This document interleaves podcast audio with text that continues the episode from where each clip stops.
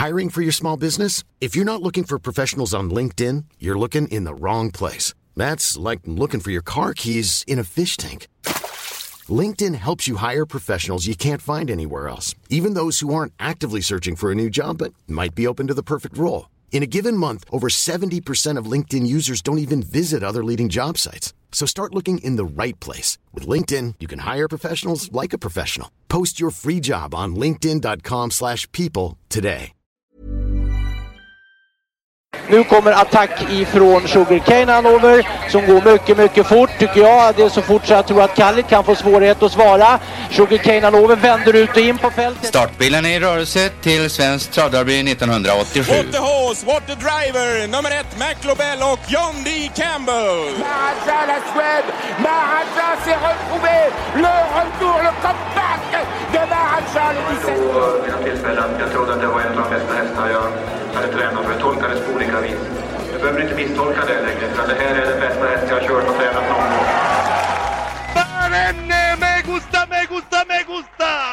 Un classico, no problem! Barenne, facile, alla meta!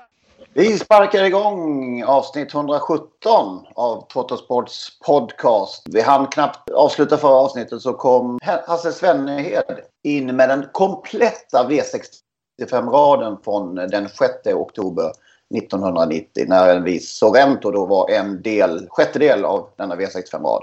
Jag tänkte att jag skulle inleda med att läsa upp detta. Man blir ju, man blir ju lycklig av många skäl. Eh, 9 Edvin Ross med Carl-Gösta Fylking, första avdelningen. Till 6,93 odds. 5 Sofie Allen, Lars Krysset Eriksson. Till 37,71. Sen då 9 Sorrento, Mihai Koslov 3,06. 4 Mercur Kloster vann fjärde avdelningen med Åke Svanstedt 3,72. Ester Lullwater, Carl-Gösta Fylking igen. Ah, Ja, 19,23 odds. Sen avslutade Tommy Lövgren med 11 Noblesse till 8,38. Och som vi trodde, allas vår Jan Timo Timonen, han klev ju av där i tredje som vi som var inne på förra veckan.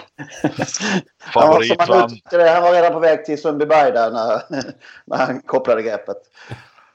Lasse Kryss nämnde du. Jag minns en gång eh, när han dök upp i tv-rutan på Hans. Lindskogs tid.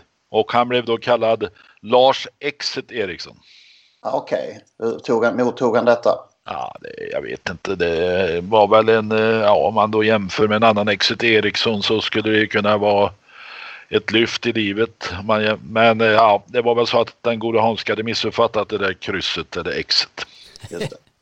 Jag ser en annan grej i den här eh, resultatlistan. Det är tryckfelsnisse, men det är så grovt så man fattar ju ingenting. Där tittar man på Sorrento så står det efter, efter varje vinnare så står det ju Edvin Ross, sexårig Wallach, Sofie Allen, sexårigt sto, men på Sorrento står det 30-årigt sto. Ja, just det. Det blev knas. Det är ju inte en, verkligen inte en siffra rätt heller, så jag vet inte riktigt vad... Ja, men det fanns, fanns då ingen kolumn där för ryska hästar i Nej, det svenska sportsystemet. Tänk att det förlåter Timo lite grann att han plockar bort en 30-årig Merr på V65 där. Alla som inte var svenska fick eh, bli 30 år då. Ja, måste ha varit så.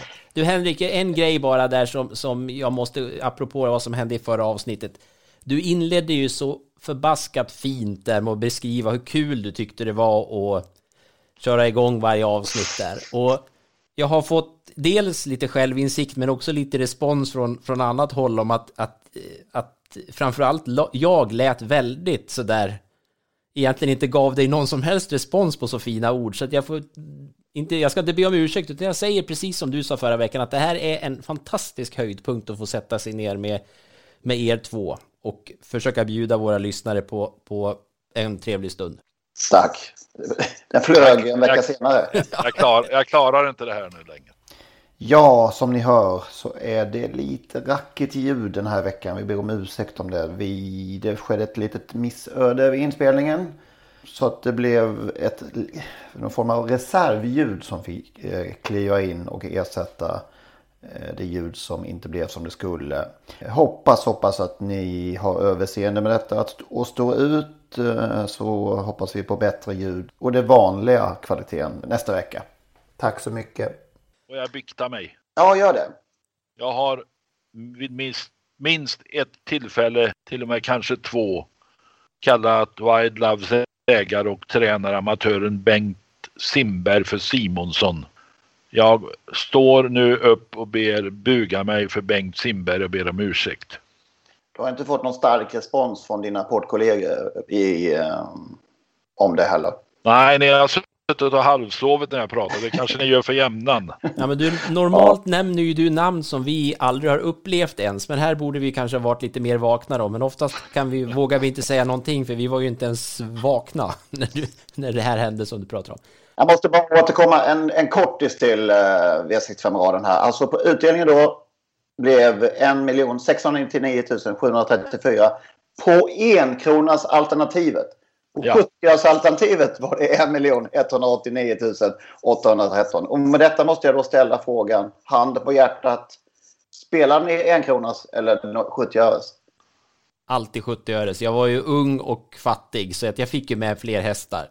Så enkelt var det. Samma, samma här. Samma här. Denna då? Ja, ja, ja, jag minns dåligt, men det varierade det är jag övertygad om. Ja. Om jag spelade själv spelade jag säkert 70 öre som jag spelade ihop med kamrater kanske vi spelade enkronas. Mm. Men det var ju också ett jävla knåpande och så blev man ju jättearg när man hade spelat 70 öres. Ja, när man väl fick in eh, några spänn där va. Ja. Från början var det 50 öre. Ja. Och sen höjde de till en kronas och sen blev det omsättningstapp. Det var 60 öre emellan också. Det var 60 öre. Nej, det är sant? Mm. Nej, det tror jag inte på. Jo, det vill okay. jag absolut minnas att vi har haft. Jo då, men det vet jag att vi har haft. Men man gick upp till en krona och så blev det lite kris. Ja, sen kom ju nästa höjd. Det blev ju, en jätt, det blev ju ett ramaskri när man gick från 60 öre till en krona och då kom den här eh, kompromissen då med, med 0,7 också. Och nu vill många ha två kronor. På V75? Är det verkligen så? Ja, inte många, men det finns säkert de som vill det. Många, många storspelare vill det naturligtvis. Nu har ju V75 blivit så svårt på slutet så nu är inte det, de eh, rösterna lika höj, höjda eller höga längre. Nej, men de har ju sen de tog bort den här eh, möjligheten att spela för bara sju rätt så har man ju hört den, den formen av kritik. Nej, så är det ju. Ja, ja, nu är det som det är. Det mest intressanta är ju ändå att V5-priset ligger kvar sedan 1955. Mm. Att det är samma pris fortfarande. Men uh, ja. Bäst sen senast. Eller hänt, vad har hänt? Vad tycker vi har varit det mest ögonfallande? Det blir mer och mer bra ju. Vi kommer in i en tid på året när det händer grejer. Det, det, det händer mycket bra nu. Man får ju försöka sålla lite.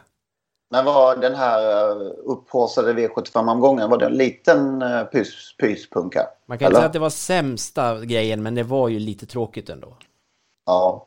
Det var det ju, men färg, det... Lite färglösa lopp. Ja, det blev det väl, får man väl säga. Ja, men vad var bäst? Ja, jag tittade faktiskt på två lopp på Vincennes i lördags. Och så såg jag en häst som jag har sett tidigare men la märke till på ett speciellt sätt nu. En femåring som heter Sherati Katt. Han vann där ett grupp 2-lopp på Vincennes, sin andra raka seger. Och han avgjorde med en oerhört vass bil och slog Guy de Heripré, hästen som var trea i Prix d'Amérique om ni minns. Den glömmer vi inte. Nej. Av många skäl. Ja, jag förstår det. Och då tänkte jag så här att den där kusen kanske kunde vara något för Paralympiatravet. Så tittade jag lite, han hade, det var hans andra raka seger grupp 2-lopp på Vincennes. Och eh, vi minns honom också tror jag från eh, Prix d'Amérique-helgen då han blev tvåa i Prix Bold Eagle bakom Aetos Kronos. Nu såg hästen så makalöst fin ut. Och till min stora glädje i söndag såg jag att Jon Walter hade, han låg på hanen där och det small direkt. Och han hade lyckats få tränaren Roman Christian Lauré att säga ja till att komma till Åby. Otroligt kul. Ja. ja, han är hingst. De brukar vara svåra att få hit, men han är bara fem år. Så när han blir sex år, sa John Walter, då är det nog för sent. Eh, mm. Låt mig då säga också att samma dag såg jag en häst som heter Firecracker. En sexårig vallack som vann på 12 blank 2700 meter där Wild Love och Kalle Crown var med. De blev fyra. Kalle Kran fyra, Love femma. Han ledde med 30, 40, 50 meter. med Erik Lafern och vann väl med 10-12 i alla fall. Men det var en sån där här som verkligen kan sätta färg på ett travlopp.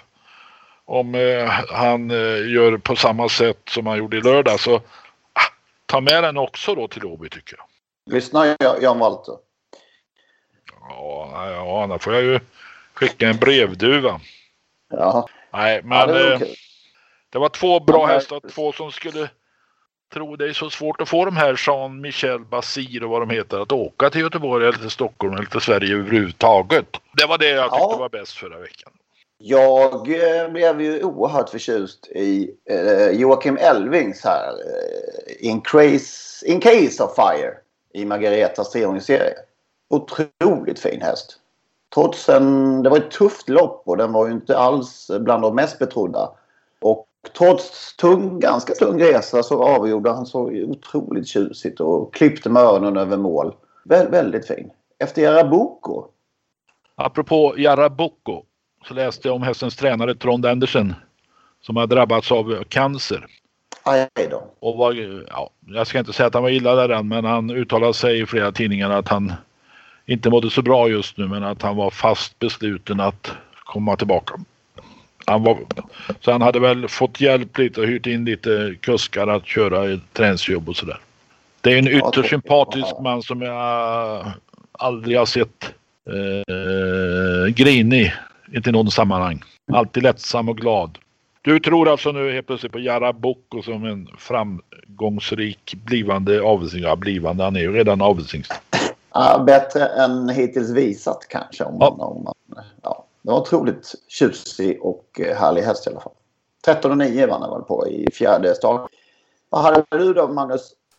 Jo, som sagt, det, är ju, det börjar ju hända grejer. Hästarna lämnar stallarna. Det var, förra veckan så var det var tre hästar som stack ut för mig och alla på, på svensk mark då istället. Det var dels i, i onsdags så såg vi på V86 där, Solvalla i eh, storlopp där, där Arkana Ås debuterade för Timo Nurmos. Jorma körde som vanligt och, och rundade fältet och vann på 11 och 4. Såg ju Det var en riktig, ut. riktig kanon. Ja, väldigt, väldigt spännande. Börjar ju lovande eh, som eh, två och treåring också, men i fjol var hon ju segerlös. Men eh, det här var inte årets sista seger, det har jag otroligt svårt att tro. Jättespännande femårigt sto.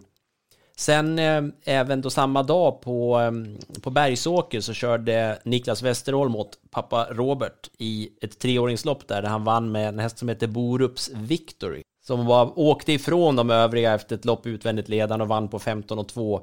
Det var, det var ruggigt intressant för fortsättningen. Alltså det här var ingen lek. Det är en, en treåring som kändes så Ja, det, fanns, det fanns, man fick mycket vibbar utan att nämna några av Robert Bergs tidigare duktiga unghästar och sådär så det känns som att den här är liksom inte riktigt färdig men ändå jäkligt bra redan och eh, stor, ja, jättefin.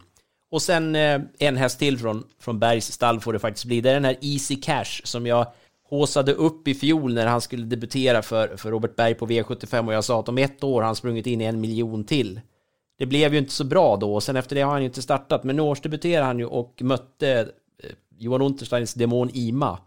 Och gav ju inte den en chans när, när Berg körde till spets och sen bara eldade han på 600 kvar och jag vet inte hur fort det gick runt svängen men sista sex gick i alla fall efter 09. Och Easy Cash startar faktiskt nu igen på söndag i ett lopp utanför V75 på Romme så det ska bli, bli spännande att se. Men Easy Cash kommer nog att kunna tjäna lite pengar. Får vi se om det kommer upp i den där miljonen till november då. Jag blir glad av två andra saker faktiskt. Den här intervjun med Anna Svensson, Ludvig Golgini sambo på Trav 65. Jag tyckte den var så jädra ärlig och härlig. Hon eh, lindade inte in saker som man brukar vara van vid, inte minst av som mamma, som mamma kanske. Jag tänkte säga, det, det liksom, som Ludde brukar göra, linda in det som ja, Ludde brukar göra. Ja, det, det var, jag har tagit undan citaten. När Adrian tog över tränarrörelsen så är det klart jag var lite orolig över hur han skulle klara allting och bla bla bla. Och att, han, att hon har avrått honom från, från att hålla på med det här. Och, eh, Ludde var borta alldeles för mycket. Just den här också. Jag klarade, det på, jag klarade det på något vis och det har blivit hyggligt folk av alla barnen. Det gillar man ju. En... Men hon undvek att berätta när, när Ludde hon hade eh, någon uh, fnurra på tråden och uh, hade en kort separation. Ja, just det. Det var innan barnen kom va? Ja, det var innan. Ludde skulle tvätta sina dressar och han fick gå till grannen tror jag det var för att få igång tvättmaskinen. Just det. Nej, men Dante hade brottats med dåligt självförtroende och eh, Adrian när han tog över så försökte han till att börja kopiera Luddes sätt. Det förväntades lite av honom men ganska snabbt så tog han sin egen stil och blev mer taktisk. Ja. ja. det var ett tydligt och klart besked. ja, verkligen. Ja. Och sen eh, Peter Ingves öppenhet här om sin, sin eh, här- hälsa gjorde mig också glad på ett sätt att han gick ut med varför han just nu inte finns på banorna utan att han mår dåligt psykiskt eh, vad vi förstår. Det känns bra i en sport där eh, man annars bryter benet ena kvällen och sitter i sulken dagen därpå i princip. Så har det alltid funkat i travsporten lite grann. Och helst ska man gå emot läkares inrådan. Det är också en plusfaktor. Men det är, det är ju fullständigt självklart.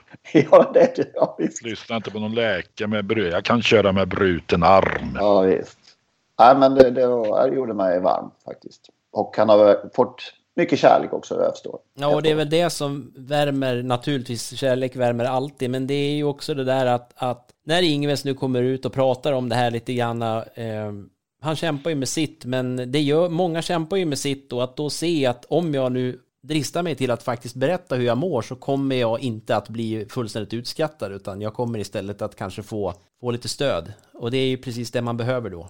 Så att eh, som sagt, man ska inte bara bita ihop och sätta sig i sulken efter en fraktur, utan det är bättre att ta det lugnt när man ska ta det lugnt. Mm. Nej, bra. Så den som vill höra mer om och hur man kan tänka kring kanske om man runt stress på sitt mående och hur man kanske kan göra för att i tid känna av signaler om det är på väg åt fel håll och vad man ska tänka på sådär. Så avsnitt 12 av denna podcast så fanns psykologen Sara Ingvarsson med och pratade om kring dessa viktiga saker. Om man vill. Henne känner jag. Jag också. Ja, det gör jag också. Du, du nämner henne som hon skulle vara helt utomstående på alla möjliga sätt, men, men det är fortfarande en jättebra rekommendation att lyssna på Ja, avsnittet. av, avsnitt 12. Mm.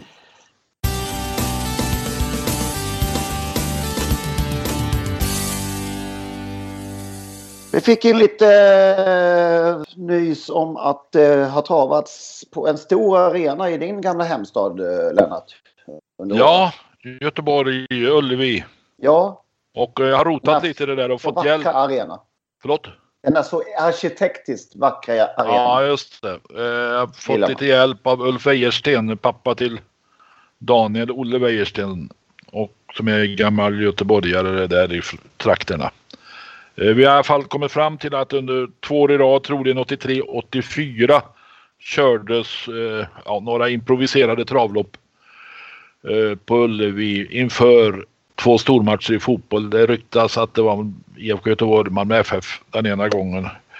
Nåväl, eh, Rolly Snibbs och Benny Oskarsson vann ett år. Eh, Benny letar efter urklipp som vi kanske kan återkomma till. Eh, det var nog något skiljehit mot Ville Plakat och Björn Sandberg.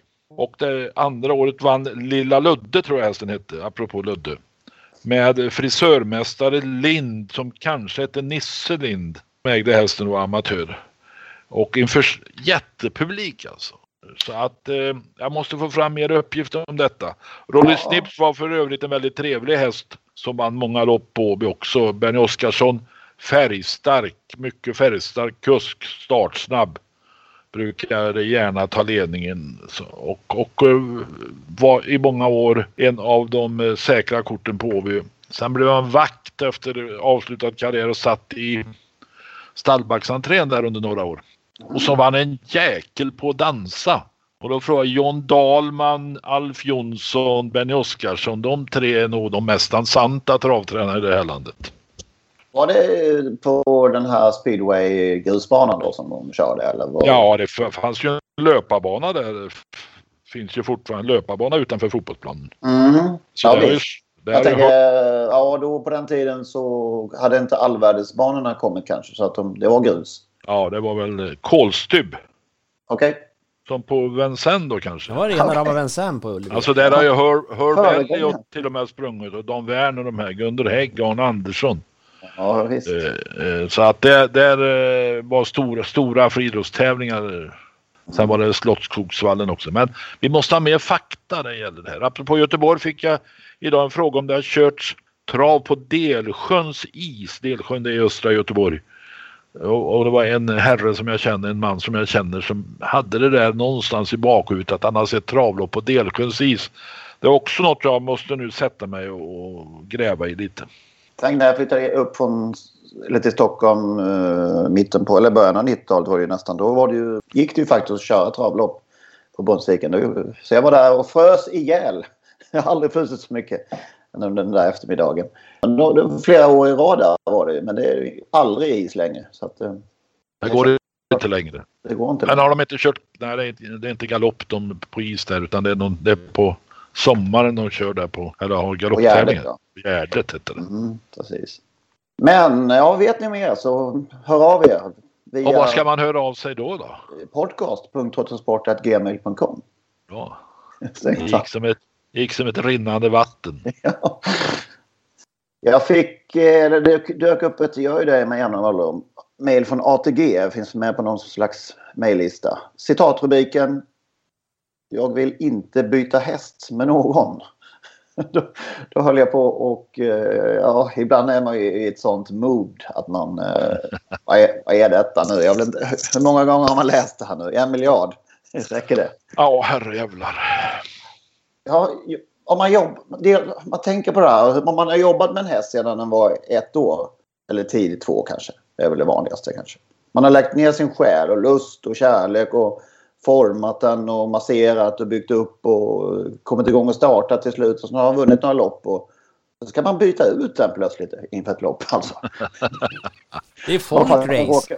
Det är sånt ju. Folkrace. Man måste vara beredd att byta. Eller... Ja, Ja. hur ska den här bytesprocessen gå till? Själva genomförandet liksom. När och var, hur gör man den? I, i vilket skede ska verkställas det här bytet? Riktigt läs på den. Ja, det är alltså alla klyschor överhuvudtaget. Ja, det är, den här är den värsta faktiskt. Jag måste säga det. Ja, det jag får- vill det- inte byta häst med någon. Nej, men Jag lärde mig väldigt tidigt min yrkeskarriär, om man får kalla det, av en redaktionschef att undvik till varje pris klyschor. Jag har försökt att leva efter detta.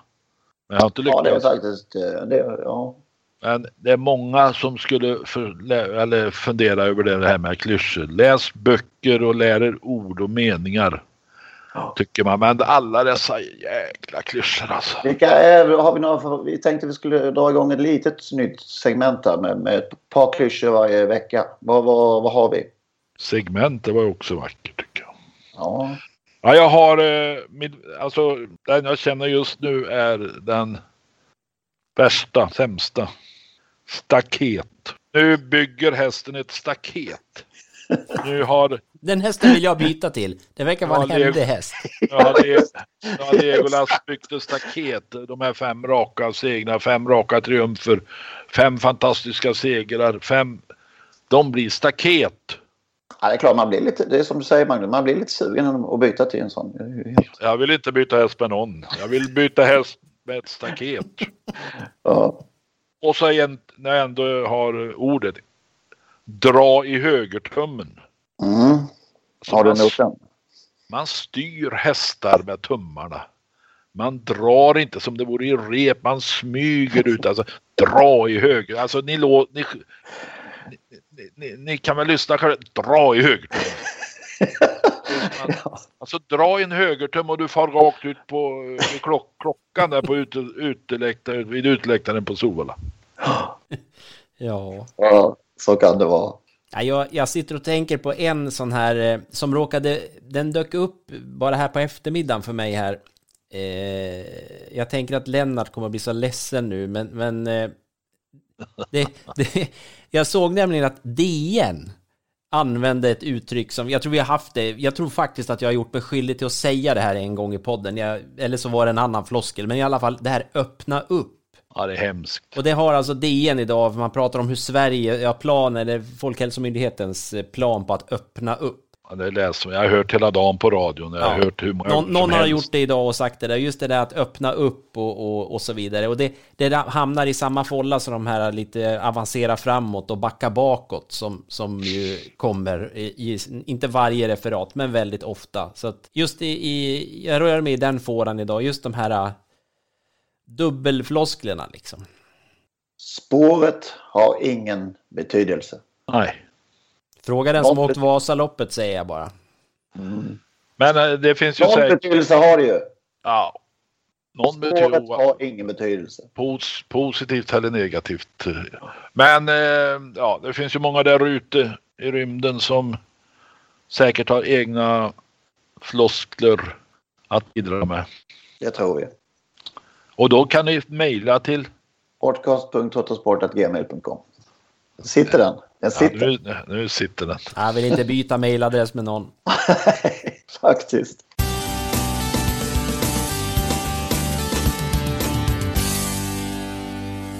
Det är påsk va? Till. Ja, Långhelg. Påsklov. Skåne eventuellt. Eh, men det är mycket trav också. Som vanligt. Det är ju- ja det är, det är, påsken spelar är ju ingen roll eh, vad, vilken, om, det, om det skiljer en månad mellan eh, påskens tidpunkt så eh, kommer årsdebutanterna ut. Det spelar liksom ingen roll när, när påsken Nej, de ska ut då. ligger. Det är då de ska ut. Men det Det startskottet brukar det heta på den stora svenska eh, travsäsongen. mm. Ska vi börja med hur det ser ut i helgen eller ska vi gå, till, gå tillbaka i tiden? Vi kan väl gå tillbaka i tiden först, för det, höll jag på att säga, det är roligare. Vi, kan, vi kan ta det kronologiskt. Du, eh, ja, nu visar du hur vi ser på saker och ting. Det var, ja, ja, nej. Det, men jag tycker vi, vi kan ta det från början i rätt ordning helt enkelt. Påskminnen. Påskminnen. Jag kan, mitt, mitt första, påsk, första påsktravminne är en sån, det är just det här, den här känslan. Jag, jag minns det så väl. Det var 1984, jag var 13 år gammal. Och, eh, Det här inträffar då förvisso några dagar innan påsk då, men eh, jag tror det är på onsdagen då, rimligen då alltså före skärtorsdagen, så upptäcker jag som ju då precis har börjat grotta ner mig i trav på, på riktigt på något sätt tyckte jag. Jag hade börjat köpa travrond och sånt där. Och så upptäckte jag att tobaksaffären som ju var travtobaksaffären i Falun, Artlings tobak som inte finns längre, de hade travprogram. Man kunde köpa andra program än de där man, en Rommes som man ju tog, köpte när man var på Romme, men man kunde få läsa programmen från andra banor och när man var så här ny, precis nybliven nörd. Så jag köpte, jag minns det första travprogrammet som jag köpte, det var Gävles program till, till torsdagstävlingarna då. Och läste igenom det där och tittade på varenda häst och liksom sen då var ju detta med att sen få på dagen sitta och ringa deras telefonsvarare och skrev, jag skrev in allt som sades på telefonsvararen. Det stod i det där programmet. Ja, rubbet. Eh, Och det var alltså påskägget. det var exakt, påskägget stod ju på, på, det minns jag så väl på utsidan av programmet och jag letade efter vilket lopp är det Jag fick för mig att det var jättestort. Jag minns inte riktigt hur stort det var, men, eh, eh, det är ett sånt där, ja, jag, jag återkommer till det ofta när jag tänker just på den känslan. Man önskar och hoppas att vi får in nytt folk som känner likadant i travsporten. Som sådär passionerat, man bara är beredd att köpa ett travprogram som jag, jag kunde ju aldrig få, jag fick aldrig se loppen, jag har aldrig sett de där loppen som kördes på Gävle, jag har bara läst namnen på hästarna och hört resultat. Påskägget i Gävle 2010. Det är väl ganska, om vi nu ska referera till Magnus här, det är väl ganska stort. Var väl redan då ganska stort och är hyfsat. eh, Ett av de största för mig. Jag var, var, hade en liten Ja. del i en travhäst som heter Jöllan. Mycket fin häst faktiskt. mm. Och hon gjorde årsdebut som fyraåring Påskägget i Gävle. 2010 var det alltså. Och eh, tillhörde inte favoriterna. Men hon lyckades vinna med Erik Adielsson i sulken. På uppförstorat målfoto mot Oracle. Cyrano Bocco var med. Cyrano Bocco med. Russell Hill. 200 000 i första pris. och Det där, ja, det där, eh, jag ringde faktiskt Stig och innan resultatet kom. Och vi satt, han satt fram och väntade på resultatet och till slut kom det då att, att hon hade vunnit. Det var eh, en överraskande och ytterst glädjande seger. Var du, du var på plats? Nej, det var jag inte. Jag såg det hemma. Hon, eh, det var en, hur, hur vann hon? Ja, och hon kom väl till slut här och lyckas eh, nå knappseger alltså. Var Tommy Åström fortfarande referent på den tiden? Ja, du ställer ju så svåra frågor så det är ofattbart. Han har ju aldrig missat ett mål. mål. Nej, ja, det är med. Ja, men 2010 måste det ha varit Tommy va? Ja, det- Edvin Ross, Sofie Allen, det är Edvin Ross, Sofie Allen, det blir Edvin Ross. Ja, Allt, alltså, han har inte missat någon i hela sitt liv. Alltid med samma, samma lugn också. Apropå Jöllan så lyckas hon slå Lovely, eller, slå eh, Viola Silas en gång och det var i Lovely Godivas lopp. Eh, som femåring då året efter. Eh, till 24 gånger i odds och 300 000 i första pris. Det var en bra seger. Men sen gjorde hon bara en start till och den var i Odense på dålig bana och det kanske knäckte henne. Hon, hon, hennes karriär tog slut kvickt. Nio segrar, 21 starter, 1,6 miljoner. Ja, det är synd att det inte kunde bli lite längre. Ja, det är ju som det är. Så är det. Nej, jag, måste, jag älskar Tommy Åström som referent. När man ändå är inne på det. Apropå påsklopp. Mm. Alltså, påskpok- Solvallas påskpokal fanns en gång i tiden. Säger du? Det måste varit länge sedan. Det var inga påsklopp när jag... Nej, det var Så länge jag har bott här. Baron Gruff vann 1970. Så det är ju ett tag sedan då. Mm. Slog Sirén Bunter. Eh, han hade då avslutat eh, år 69 med fem raka segrar och var väl den blivande stjärnan i svensk travsport. Och eh, efter det här påskpokalen så var han på Åby och vann Göteborgspokalen som också var ett stort lopp på den hästen. På den tiden. Han hade vunnit silverhästen emellan. Sen Göteborgspokalen.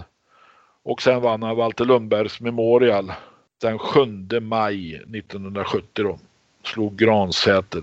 Och var det natten efter som han insjuknade sin tarmsjukdom och dog ju då på djursjukhuset bara något dygn senare.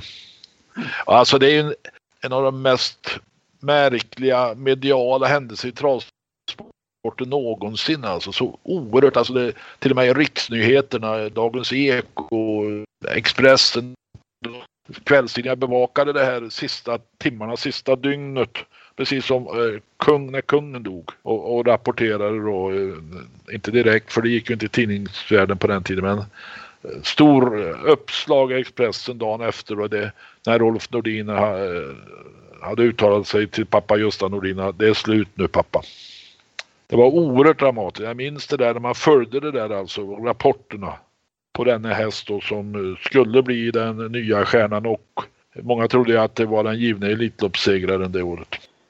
Ja, men apropå då att eh, Solvalla inte kör i har kört i påsk så länge jag bott här och Jägersro aldrig körde under påsk, några påskdagar när jag var yngre. Så jag vet inte, jag fick, har inte fått en riktig relation till påsktävlingarna. Jag har inget att knyta upp det med. Men Yngve Larssons minneslopp går ju på lördag. Jaha. Ja, det brukar ju gå på annandag påsk. Vem var Yngve Larsson? Han var ju den som eh, helt enkelt eh, var initiativtagaren till, till eh, Den person som låg bakom tillkomsten av banan helt enkelt. Och banan tillkom väl 1969 tror jag. Men han arrangerade redan 1960 tävlingar, propagandatävlingar på civila flygfältet i Halmstad. Det finns en härlig bild här i eh, Halmstadtravets jubileumsbok massor med folk som står ute på det här fältet och tittar på tävlingarna. Han tillsammans med Folke Bjurenfors bidrog starkt till Halmstadtravets eh, verklighet. Och Yngve Larssons minneslopp som sagt. 1983 vann en viss härlig häst. Men då kördes det i juni faktiskt och eh, hade en väldigt dramatisk innebörd. Vi kan lyssna här på Remme Nilsson. Vi skriver det här fantastiska avtalet på, på hotellet, på Grand Hotel då, eh, Thomas Nilsson och jag.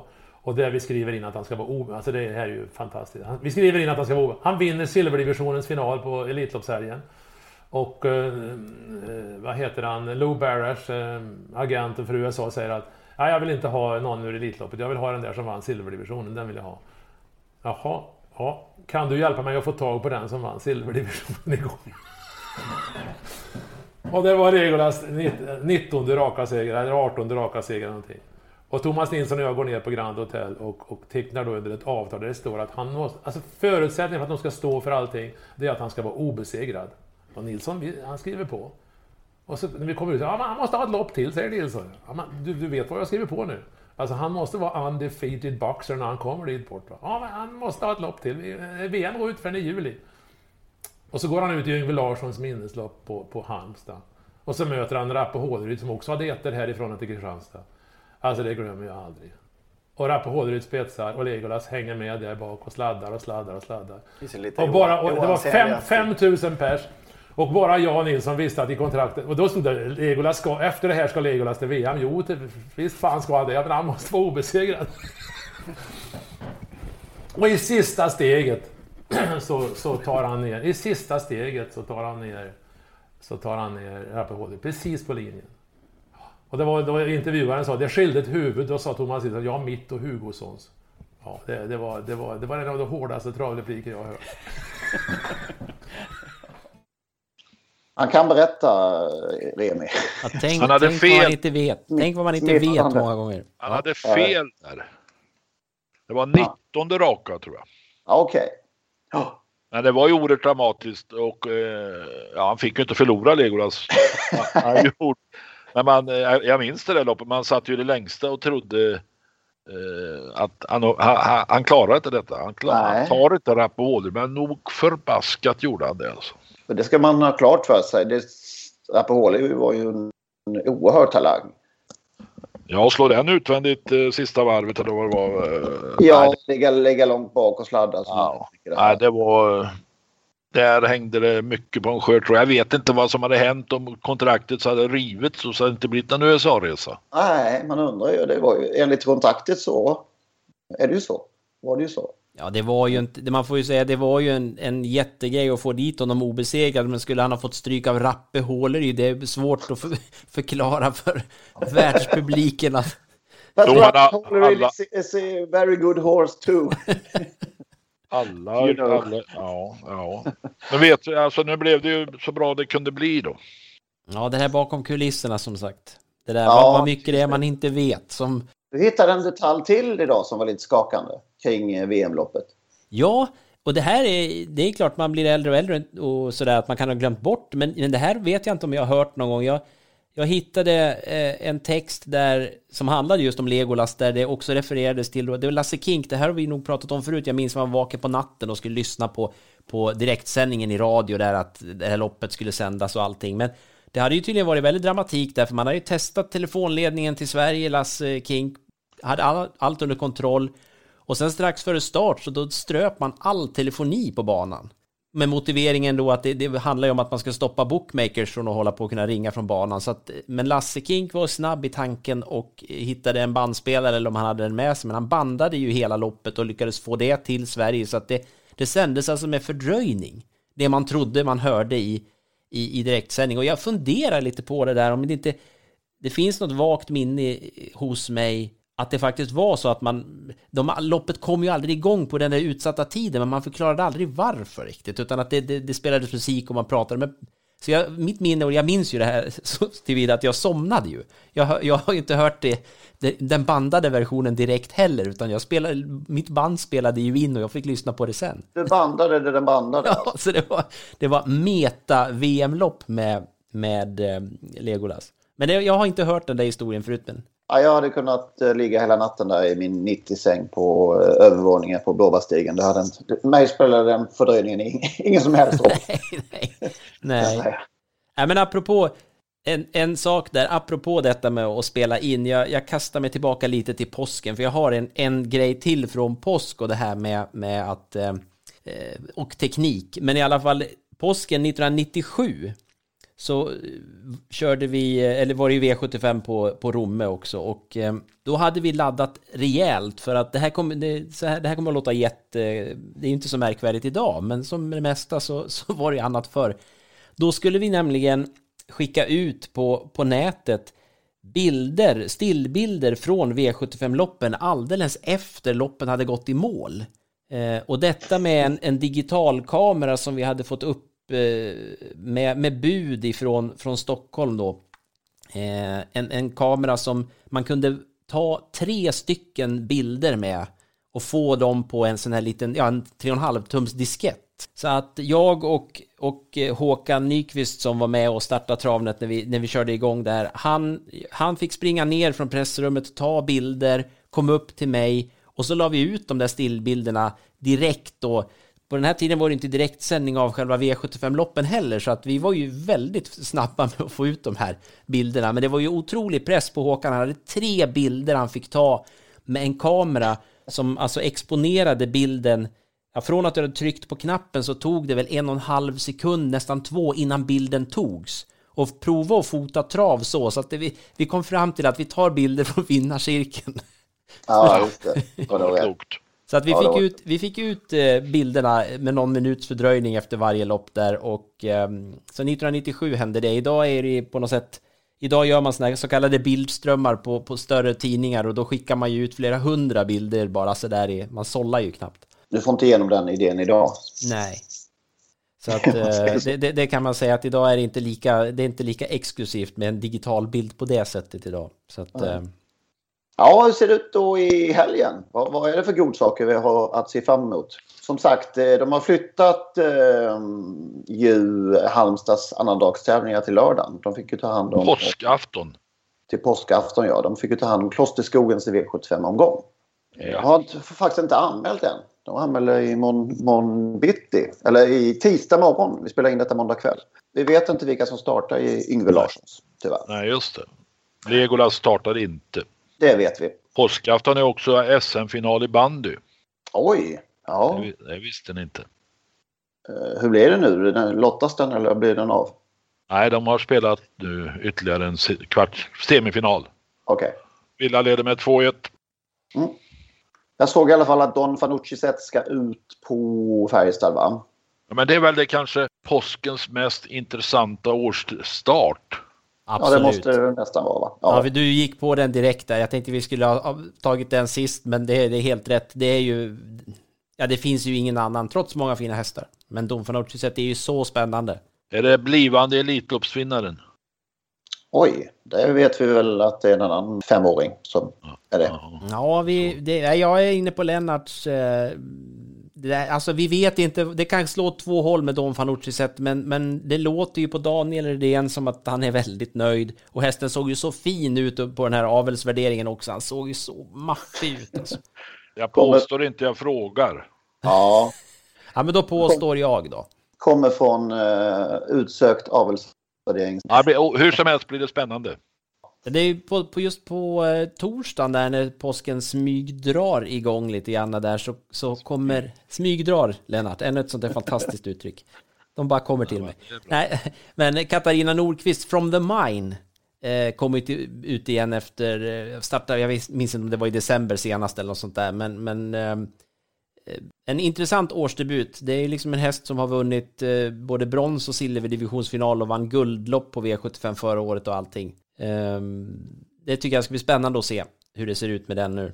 Och sen på fredagen där de får något sett som sagt, men eh, det är ett storlopp där också. Där de, de fyraåriga storna, de bästa i kullen, eller några av dem i alla fall, har ju blivit fem nu, så det är ett femårigt storlopp där med Milady Grace och Grande Diva Sisu bland annat. Mamma Lane också.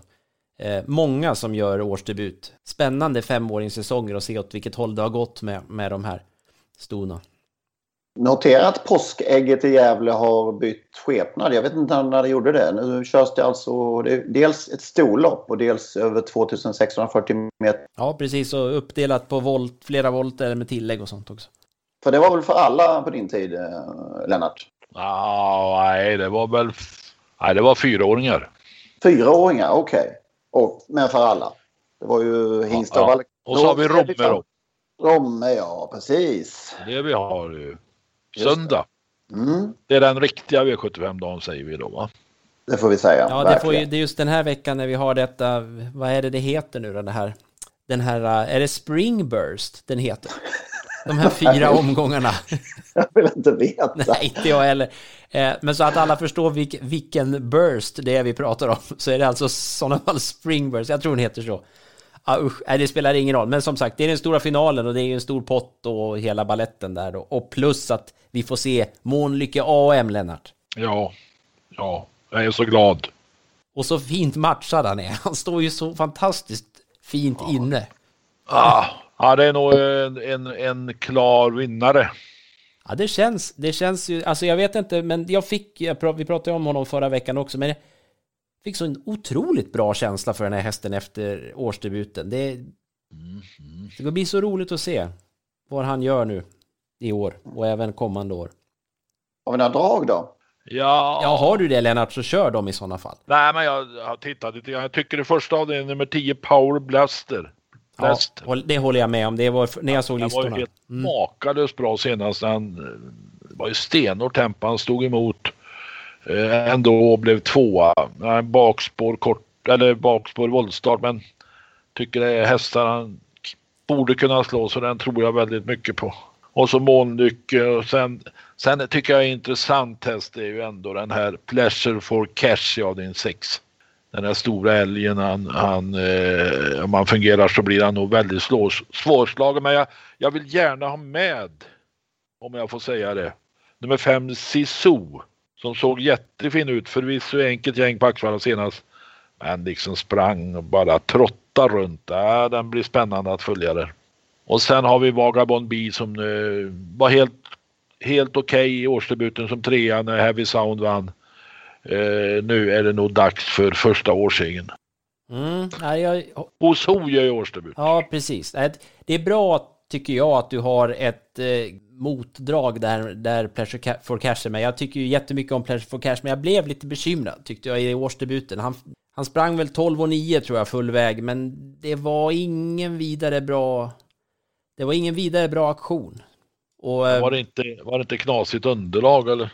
Ja, det, det, ska jag säga att det har jag faktiskt i sådana fall väldigt dålig koll på. Men eh, han gick ju barfota ja. bak bara. Det, när han är som bäst går han ju barfota runt om. Jag vet inte om det... Men det var... Det, man, jag vet inte. Fick ingen riktigt sån bra känsla Nej, så. Det, men... det är en häst som inte går att lita på. Nej, så är det. Men fantastiskt. Han, därför... alltså, han sprang som sagt 12 och 9 och, och eh, utan att vara som bäst. Och det var ju, han var ju inte trött. Utan det var ju mer att, att det inte riktigt flöt för honom.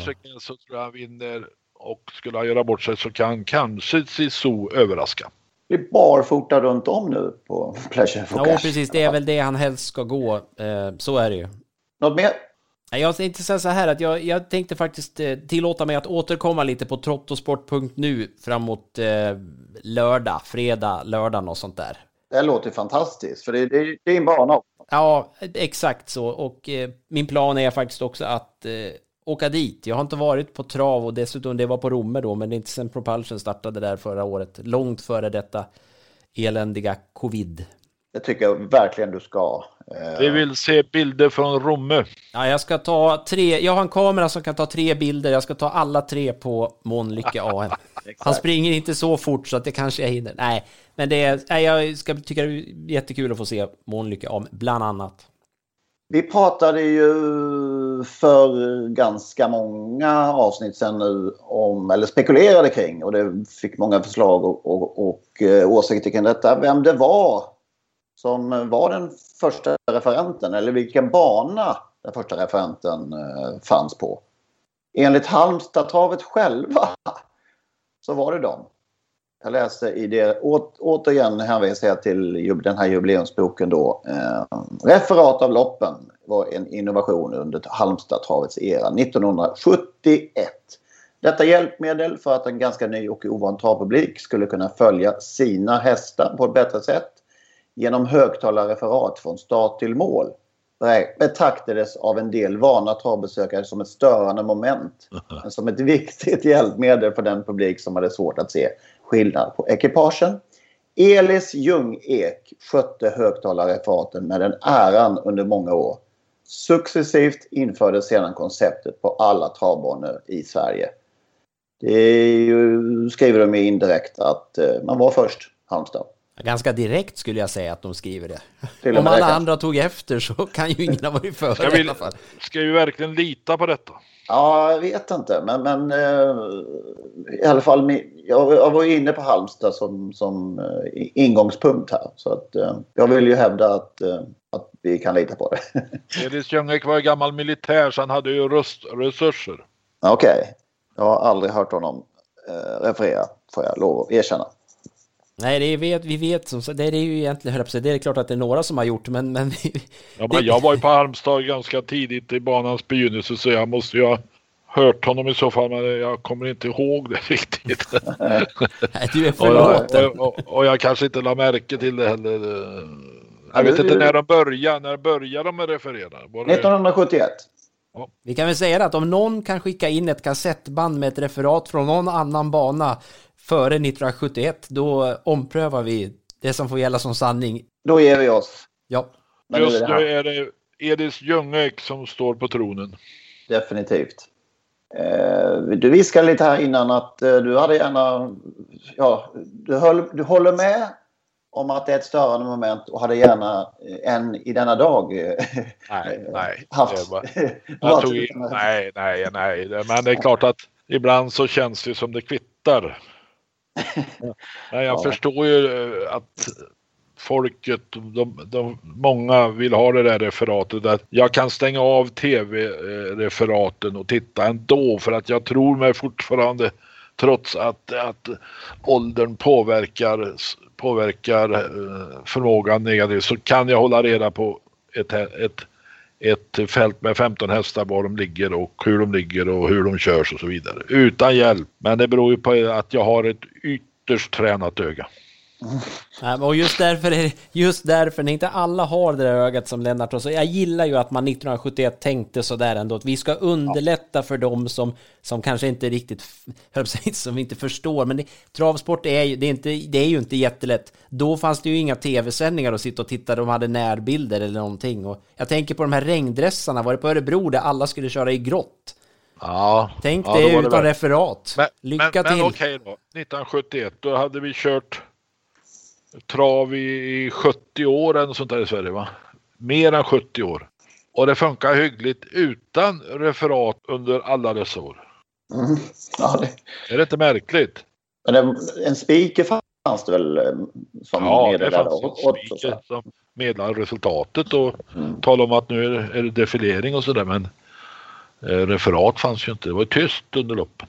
Ja, men så är människan har ju alltid klarat sig utan det som inte finns, men när det väl dyker upp så då blir det plötsligt oumbärligt. Ja, så är det ju. Och skulle en bana nu plötsligt... Nej, nu slutar vi med referat, att referera loppen. Det skulle bli ett ramaskri av alldeles like. Kanske. Nu är det inget folk på travbanan så det spelar ingen roll. Ja, jag, som sagt, jag fastnade lite i den här jubileumsboken idag. Här då. Premiärdagen för Halmstad 12 juli 1969. Eh, då hade de tilldelats 20 tävlingsdagar men de blev lite försenade med premiären så de blev, det blev bara 18 dagar under, under premiäråret. 10 000 personer var där på, på premiärsöndagen eh, här och publiktillströmningen skapade en sådan kaotisk trafiksituation att även tävlande och funktionärer fastnade i trafiken så att de fick skjuta på första loppet helt enkelt. Vad tid är det på Halmstadhavet?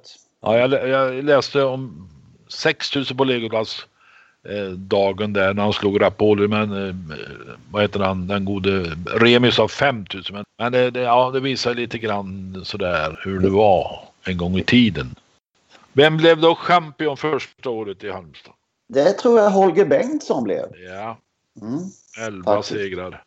En av mina favoriter när jag växte upp faktiskt. Men Holger sen går Bengtsson. ni bet på nummer två. Vem som vann 1970. Ja, gör väl det. För sen är det bara kändisar efter Wegerbrand, Dan, Thomas Nilsson, Forsgren, Zachrisson, Lars G. Edvinsson, Johnny Takter, Urberg, Anders Lindqvist. Men 1970 Jan-Erik Olsson. Ja, det är en luring alltså. Jägersro-tränare var han väl. Ska vi packa ihop? Är vi eh, nöjda för dagen? Är vi redo för påsksnapsen? Ja, just det. Jag ska droppa, eller vad blir det? Nej, det är min värsta, det är värsta jag vet.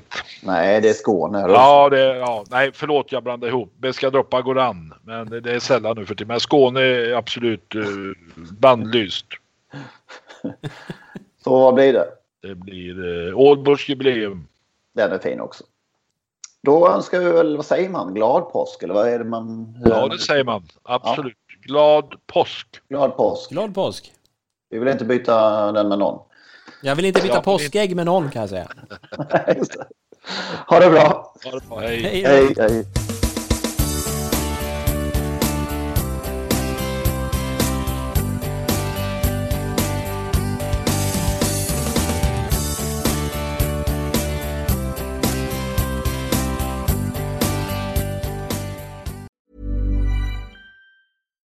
Deserves the best, and there's no better place to shop for Mother's Day than Whole Foods Market. They're your destination for unbeatable savings, from premium gifts to show-stopping flowers and irresistible desserts. Start by saving 33% with Prime on all body care and candles. Then get a 15-stem bunch of tulips for just $9.99 each with Prime. Round out Mom's menu with festive rosé, irresistible berry chantilly cake, and more special treats. Come celebrate Mother's Day at Whole Foods Market.